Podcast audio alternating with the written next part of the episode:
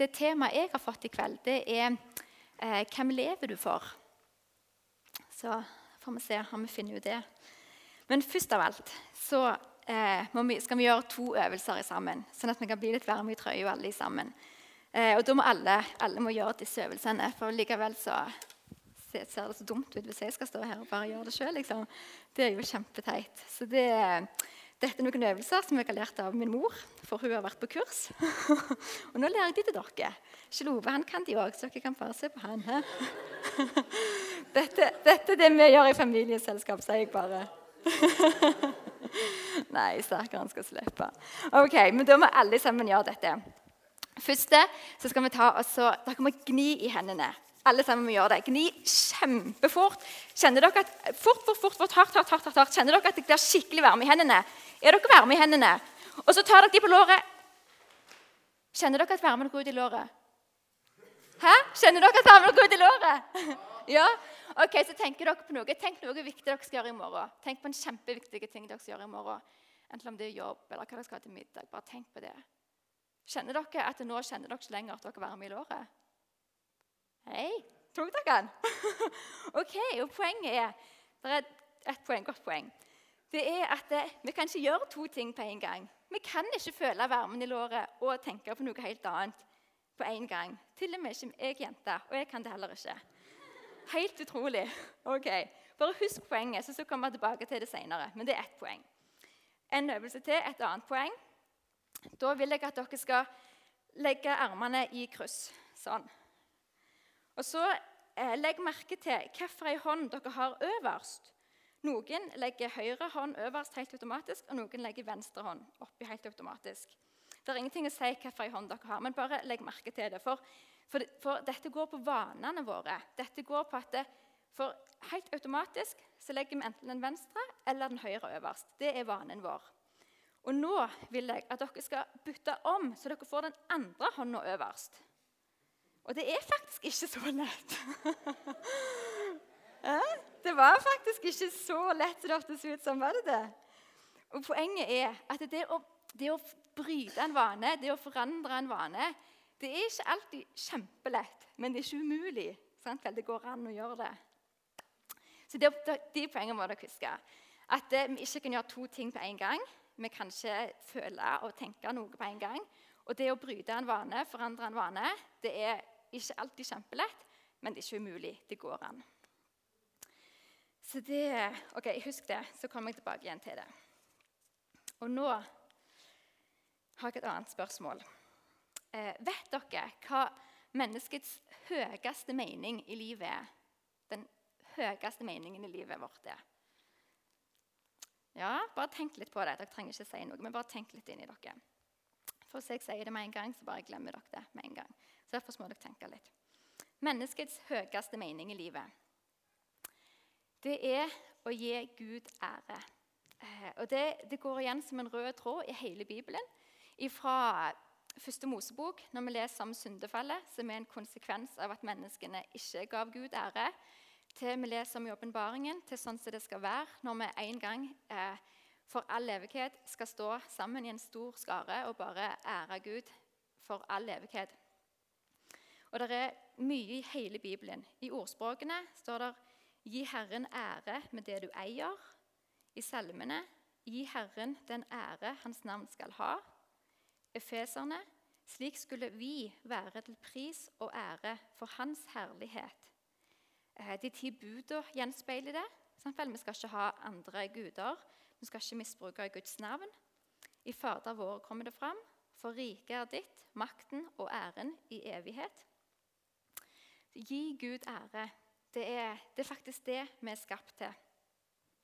Eh, og det å ære Gud, eh, det er faktisk det er en livsstil. Det handler ikke om, eh, om lovsang eller om musikk eller om personlighet eller om følelser. Men det er først og fremst en livsstil. Det er en grunnholdning som vi har i livet vårt. Og, er, og Når alt måte, koker ned til én ting, så er det ett valg det handler om. Ett valg. Og det går på vårt livsmål. Altså vårt, eh, meningen og målet med livet vårt. For det kan vi velge å knytte til én av to ting. Vi kan velge å knytte meningen og målet med livet vårt til, til det menneskelige planet, til meg sjøl og til de som er rundt meg. Eller jeg kan velge å knytte det til det faktumet at jeg er skapt for å ære Gud. At det, alt det jeg gjør, alle mine gjerninger, på en eller annen måte skal ære Gud. Det jeg, alt jeg tenker, alt jeg sier, alt jeg gjør, eh, skal være til Guds ære. Og hvis jeg, en, hvis jeg, velger det, hvis jeg velger å ha en livsstil som ønsker å ære Gud, eh, da vil Guds ære bli målestokken for livet mitt. Guds ære det vil bli målestokken for måten jeg lever livet mitt på, for valgene jeg tar. At jeg ikke tenker ja, hva har jeg lyst til å liksom, Hva har jeg rett på? Hva har jeg krav på? Hva passer meg? Men at vi tenker hva, hva ærer Gud mest? Eh, og hvis det å ære Gud ikke får konsekvenser eh, for hverdagen min, hvis det ikke forandrer meg, hvis det ikke på en måte får betydning for den jeg er når jeg er hjemme med familien, når jeg er ute med venner, når jeg er på jobb, når jeg treffer naboene mine, når jeg er i butikken og handler Hvis det ikke får konsekvenser, hvis det ikke får betydning, da er egentlig det jeg holder på med her på Spor på søndagene, det er egentlig bare hykleri. Det er egentlig bare et tomt rollespill som ikke betyr noen ting. Det er bare en fasade jeg tar på meg her på møtet, og så betyr det ingenting i de andre seks dagene som jeg lever hele livet mitt. Eh, og Det jeg tror er et så enormt viktig poeng for at vi skal kunne leve liv som ærer Gud, eh, det er at vi at vi må slippe Gud mer til i livet vårt. At vi må gi ham større spillerom, større handlefrihet. Og jeg vet, Dette er sånn som blir sagt på alle møtene. For det er liksom veldig rett av en taler å si det, at vi må slippe Gud mer til. Men det som er poenget er at det, vi sier det, og vi hører det. Men det skjer, altså, altfor ofte så gjør vi ingenting med det. Eh, og jeg vet, hvis jeg skal være ærlig med meg sjøl og ærlig med dere, så har jeg hatt mange perioder i mitt liv der det har gått både uker og måneder uten at jeg egentlig har tenkt noe særlig på Gud. Uten at jeg egentlig har brukt noen ting timen i det hele tatt. Eh, og helt ærlig, de periodene har det vært kjempekjedelig å være en kristen. Jeg har ikke fått liksom, noe ting ut av det. Det har egentlig bare vært en byrde med dårlig samvittighet og bud og regler. og all slags ting som jeg måte, ikke klarer å leve opp til, og som bare, bare er der. Um, og når jeg har sånne perioder, så egentlig så forstår jeg at det, de kristne som på en måte aldri lever et annet kristenliv enn det, altså de som aldri de som aldri gjør noe mer ut av det, de som ikke kjenner til noe annet kristenliv eh, enn å bare kalle seg kristen i navnet og være en fasadekristen, egentlig. Jeg kan egentlig godt forstå at de egentlig gir opp og faller ifra. For det, det, det, er ikke det som er kristenliv. Det er ikke, det, det er ikke tro. Det, er religion. Og Gud han har så utrolig mye mer for oss. Eh, han sier det i Bibelen at det, det er tyven, altså djevelen. Tyven kommer bare for å stjele, drepe og ødelegge. Men Jesus er kommet for at dere skal ha liv i overflod. Liv i overflod. Og det er, det er alt annet enn kjedelig og en byrde av dårlig samvittighet. Liv i overflod, det er, det er glede, det er fred, det er kjærlighet. Det er et godt liv. Eh, og derfor så, og Det er så viktig at det ikke bare blir noe vi sier, at det ikke bare blir noe vi hører, men at det blir noe vi først og fremst gjør. At vi slipper Gud mer til i livene våre. At vi slipper Gud til i hverdagen vår. Eh, for da, ja, da, får vi et liv i overflod. Eh, og da vil vi få erfare mer av, av hans nærvær, av Guds kraft. Og Søk først Guds rike, står det i Bibelen. Så skal dere få alt det andre i tillegg. Og Jeg har tenkt mye på det verset nå i sommer og nå i høst. Eh, for jeg kjenner, eh, både for min egen del og når jeg har snakket med folk rundt meg òg, at vi har så lett for å leve så tilfeldige liv, egentlig. der det er liksom omstendigheter og andre mennesker og min egen vilje, det er det som setter kursen for livene våre. Det er det som på en måte bestemmer retningen for hvor vi ender opp hen i forskjellige ting. Både med jobb og hvor vi bor, og hva vi driver på med, og hva venner vi har, og alt. Eh, Istedenfor at vi lar Gud bane veien inn i hans ferdiglagte gjerninger.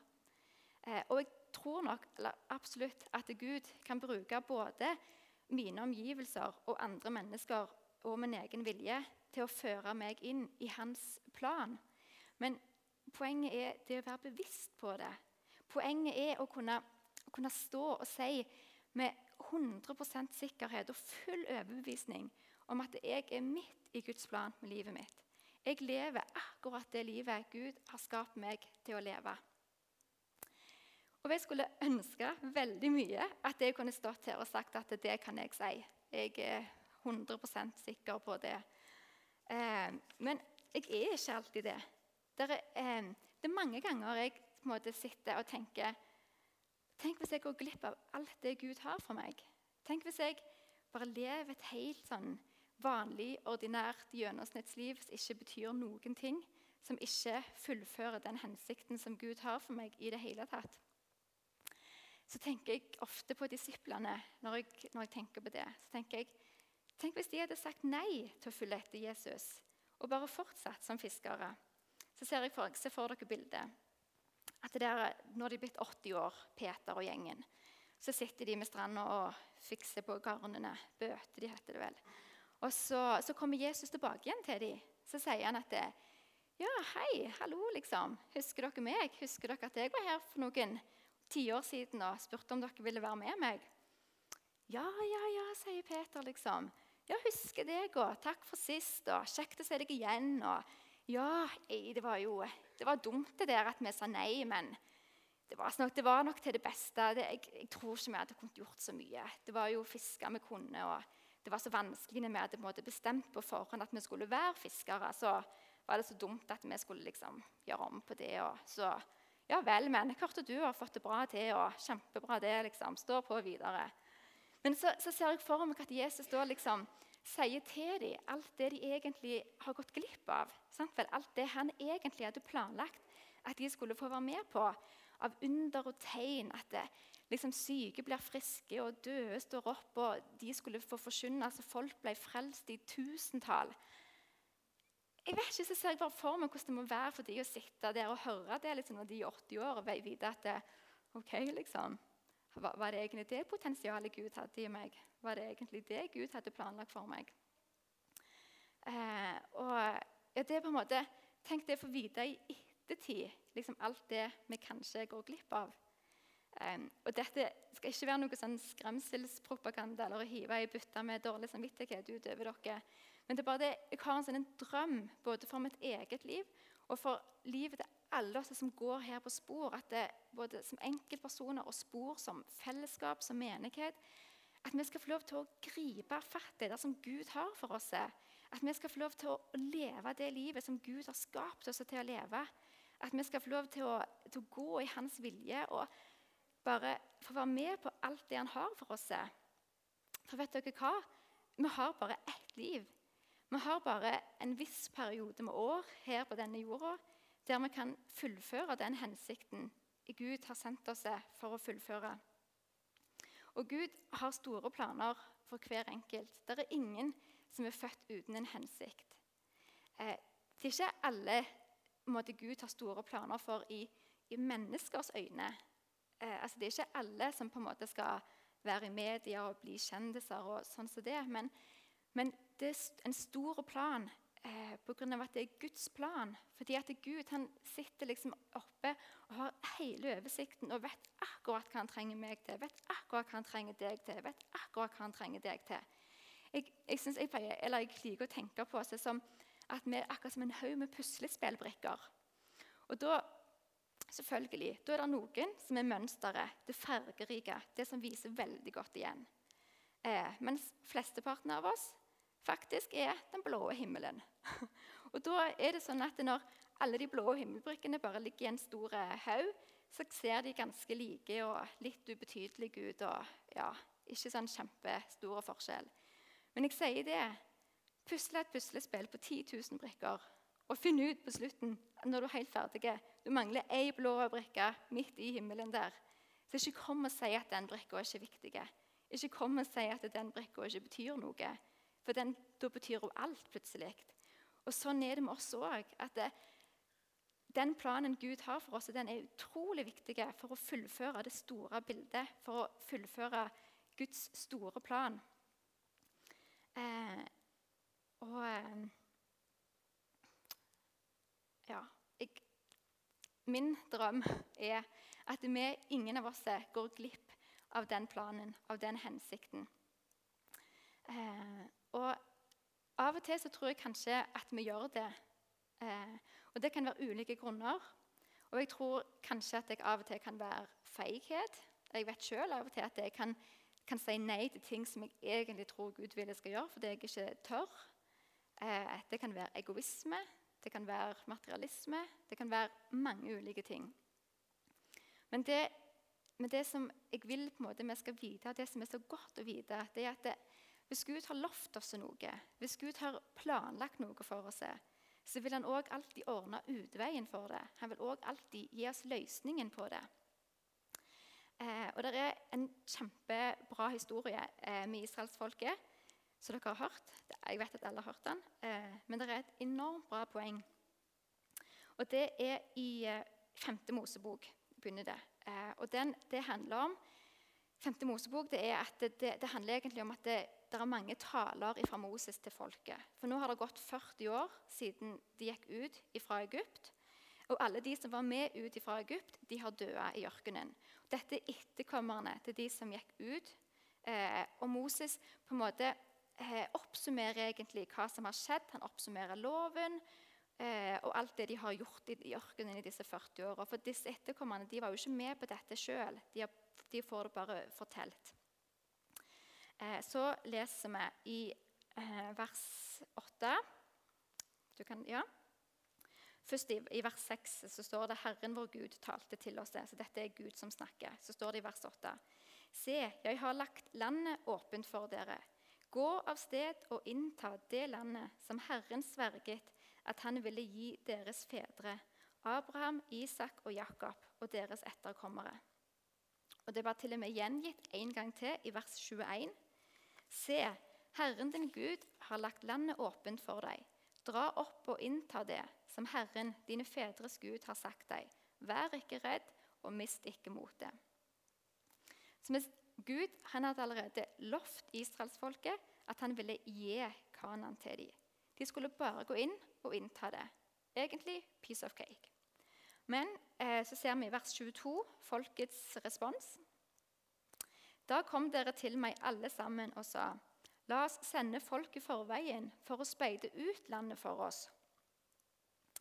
Og hva skjedde da? Jo, disse speiderne som, som reiste ut, eh, de spredte tvil og mismot blant folket. Bortsett fra to, Josfa og Caleb, men det var ti andre. Eh, og de spredte tvil og mismot. Nei, dette går aldri. Aldri om dette her kan gå. Og De fortalte om, om kjemper og, og himmelhøye festningsmurer. kan vi lese om. Og folket de ble sånn Nei, nei, nei, nei, nei da kan vi ikke gjøre det. Eh, og Selv om Moses og Josfa og Caleb de prøvde liksom å overtale dem, og de pekte på at hallo, Gud har hjulpet oss før, Gud vil hjelpe oss igjen. I vers 30 leser vi Herren deres Gud går foran dere, og han vil kjempe for dere, slik dere så han gjorde det i Egypt. Men israelsfolket de valgte på en måte å kun se de vanskelige og umulige forholdene menneskelig sett, og gikk dermed glipp av Kanan, av løfteslandet. Og Istedenfor å leve det livet som Gud hadde lovt dem og planlagt for dem i Kanan, så gikk de rundt, vandra rundt i ørkenen i 40 år og døde i ørkenen alle sammen, unntatt Josfa og Caleb. da. Men så, og her kommer det utrolig bra poenget Eh, for når han leser i Josva om når de faktisk inntar Kanan, det er disse etterkommerne som inntar Kanan, så står det om ei som heter Rahab. Og Hør hva hun har å fortelle. Hun sa til dem.: Jeg vet Herren har gitt dere dette landet. For nå er det kommet over oss en redsel for dere, og alle som bor i landet, er så redd for dere at de skjelver. For vi har hørt hvordan Herren tørket ut vannet i Sivsjøen foran dere da dere dro ut fra Egypt. Da vi hørte om det, ble vi helt motløse, og nå er det ingen som våger å møte dere. Ser dere det? Helt tilbake til Sivsjøunderet. Når skjedde det? Det var når Herren delte Rødehavet. Når skjedde det? Det skjedde 40 år tidligere. Det skjedde med en gang Gud førte folket ut fra Egypt. Så gjorde han, gjorde han dette underet. Og helt ifra den dagen så kan vi se her Da vi hørte om det, ble vi helt motløse, og nå er det ingen som våger å møte, de, møte dere. Så når Gud sa til israelsfolket jeg har lagt landet åpent for dere, gå bare og inn og innta det, så hadde han allerede bana veien for israelsfolket til å gjøre det. Det var, det var, vanskelige ting menneskelig sett. Men poenget var at de måtte bare egentlig stole på Gud, at han ordnet det. Og det, det gjorde de ikke, og gikk glipp av det. Eh, så det som er, er at hvis Gud har lovt deg noe, hvis Gud har planlagt noe for deg, så vil han òg ordne utveien. Så vil han òg gjøre sånn at det går i orden. For dere som var hørte talen til Sølve Salte, eh, så husker dere at han fortalte om denne gården sin. Og vet du hva? Det passer rett inn i denne historien. Sant vel? Gud hadde lovt noe. Det virker helt umulig, men det ordnet seg. Han fikk det. Og det kunne ikke være noen andre enn Gud. Og, og tenk litt på det, for, for, Gud er den samme i går og i dag, ja, til evig tid, står det i Bibelen. Altså, Gud forandrer seg ikke. De løftene Gud, Gud har gitt oss i både i Gamle testamentet og Nye testamentet, de egenskapene, den karakteren Gud har, den er akkurat den samme i dag. Det er akkurat den samme Guden vi tror på i dag. Eh, og der står det at ingenting er umulig for Gud. Og Tenk litt på denne, denne, denne litt dype. For hvis det er mulig, så trenger det ikke å være Gud. Da er det kanskje bare mine evner, mine talenter og mine muligheter som gjør det. Men hvis det er umulig, da, da kan det ikke være andre enn Gud. Og det er veldig ofte det Gud ønsker å vise. At dette er ikke dine talenter, dette er ikke dine evner, dette er ikke dine muligheter. Dette er meg, kun meg. Og det, vi, må bare tro at den guden vi tror på, ingenting er umulig for han. Eh, og mens jeg har gått og tenkt på dette her i uker og måneder og hele sommeren og, ja, og tenkt liksom OK, hvordan må jeg forandre meg da? Hva må jeg gjøre da? Og alt sånt som det. Så har Gud gang på gang på gang minnet meg om at det mest av alt, og først og fremst, det som han vil, det er at vi bare skal elske han. Det er, det er første skritt til alt annet. Det er, det er begynnelsen til alt annet her i livet. Det er at vi elsker Gud av hele vårt hjerte. Eh, for Gud, Gud, vil at vi bare skal være med han, at vi skal bruke tid med han, at vi skal dele våre tanker med han, dele våre gleder, dele våre sorger, våre bekymringer. Det er kjærligheten vår, hjertet vårt, han først og fremst vil ha.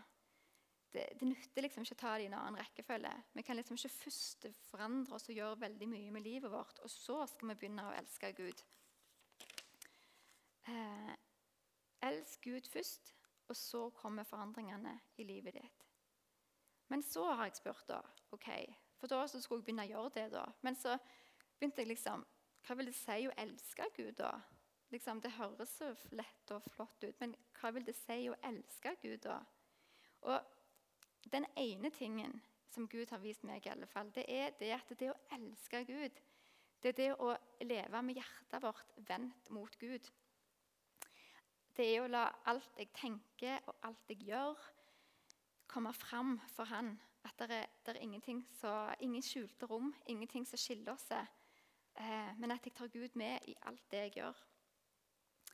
Eh, så ikke ha fokus først og fremst på alle forandringene som kanskje må gjøres. Ikke ha fokus først og fremst på liksom, hvordan livet ditt skal være om, om to år, om tre år, om to måneder. Men først og fremst ha fokus på det å bare leve nær Gud. Eh, for når vi gjør det, så djevelen han mister sin makt og sin autoritet eh, over oss når vi lever nær Gud, når vi tar vår tilflukt til Gud. Han kan friste oss, han kan komme med angrep, han kan sende mange brennende piler mot oss, men han har ikke makt over oss, han har ikke autoritet over oss. Og Det er en stor forskjell. Eh, og Når vi lever nær Gud, så får Gud òg forma hjertene våre til å bli mer like han når vi bruker tid med han. Så én plass må vi begynne. Eh, og ikke gjør det til noe uoverkommelig. Ikke gjør det til noe som er så stort at, det, at en ikke klarer å gripe om det. Og så ender det med at egentlig så skaper det ingen forandring. Det ender med at det bare renner ut i sanden. Eh, men begynn med å leve nær Gud. Begynn med å leve livet ditt åpent foran Gud. Ingenting skjult. Eh, og det er her disse øvelsene kommer inn. For eh, sant vel? vi kan ikke gjøre to ting på en gang. Vi kan liksom ikke på en måte føle Gud, eller hva skal jeg si, for vi kan ikke lytte etter Guds stemme og på en måte være i hans nærvær og samtidig måte sitte og tenke bare på hva skal jeg gjøre på jobb i morgen, og hva skal jeg ha til middag, og husk deg å ta av vaskemaskinen og blåste ut lyset og altså all slags tanker. Det er liksom ha, Lev nær Gud, ha fokuset på Gud. Kun Han.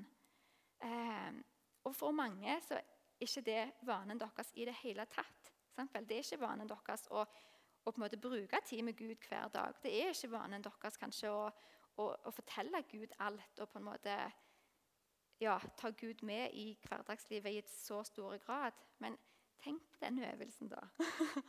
At det, det, kan være vanskelig å snu en vane, men det er ikke umulig. Det går an. Og det Ja, og jeg, jeg håper sånn eh, for alle sin del her inne at vi virkelig får tak på det Gud har for oss. At jeg får tak på det, at det, hver en av dere som er her, eh, får tak på. Prøv å, å, være litt stille og bare lytte liksom, til hva planer har du for meg, Gud? Hva umulige løfter har du allerede bana vei inn i, så jeg bare kan gå inn og på en måte ta? Eh, og jeg håper at ingen av oss på en måte plutselig om 50 år ser tilbake og tenker at det, hm, jeg, vet om, jeg, vet ikke om, jeg levde det livet likevel som Gud hadde for meg. Men at vi kan hjelpe hverandre, at vi kan stå sammen.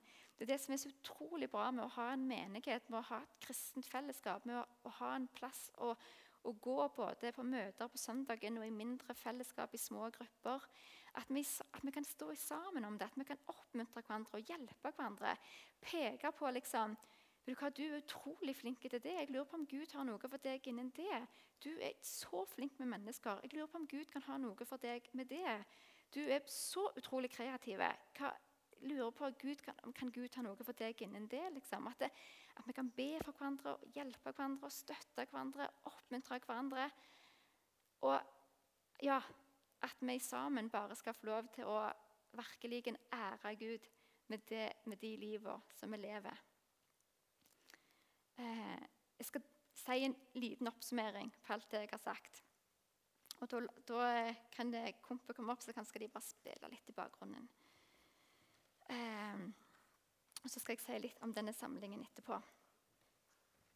For, jeg skal bare, for Det er så lett at en glemmer nesten litt det første som jeg sa. Så jeg skal bare ta en kort oppsummering på, på det som jeg ville ha fram i kveld. Eh, og det er det at det, vi er skapt for å ære Gud. At alt jeg tenker, alt jeg sier, alt jeg gjør, skal på en eller annen måte eh, være til Guds ære. Eh, og det må få prege hverdagen min. Hvis det å ære Gud ikke blir en del av hverdagen min, så blir det bare et tomt rollespill, hele, hele kristenlivet mitt. Eh, men når det å ære Gud blir en del av hverdagen min, eh, når jeg slipper Gud til, så blir det ikke noe tomt rollespill. Og det blir ikke noe kjedelig liv og en byrde av dårlig samvittighet. Eh, men det blir et liv i overflod. Og når jeg slipper Gud til, når jeg søker Guds rike først, eh, så slutter jeg å leve et tilfeldig liv som bare fyker som et blad i vinden her, herifra til derifra. Der omstendigheter og andre mennesker og min egen vilje setter kursen for livet mitt, eh, men der Gud får lov til å bane veien inn i hans ferdiglagte gjerninger. Og vi lever det livet som han har skapt oss til. For Gud han har planer og en hensikt for hver og en av oss. Eh, vi må bare tørre å gå inn i dem. Vi må på en måte bare tørre å tro at Gud allerede har ordna løsningen og utveien på det for oss. Eh, og midt oppi alt, som det viktigste av alt, som det første skrittet til alt annet, så vil Gud at vi skal elske Han. At vi skal leve med hjertet vårt vendt mot Han. Og først og fremst ta fokus på å bare leve nær Han.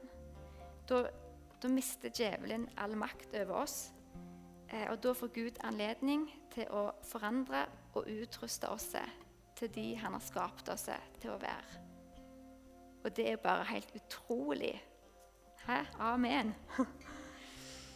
OK, nå jeg håper dere husker litt av det jeg har sagt. Ta med dere øvelsene. Hvis dere glemmer litt av poengene mine, så husk på øvelsene. Hæ? Så husker dere poengene.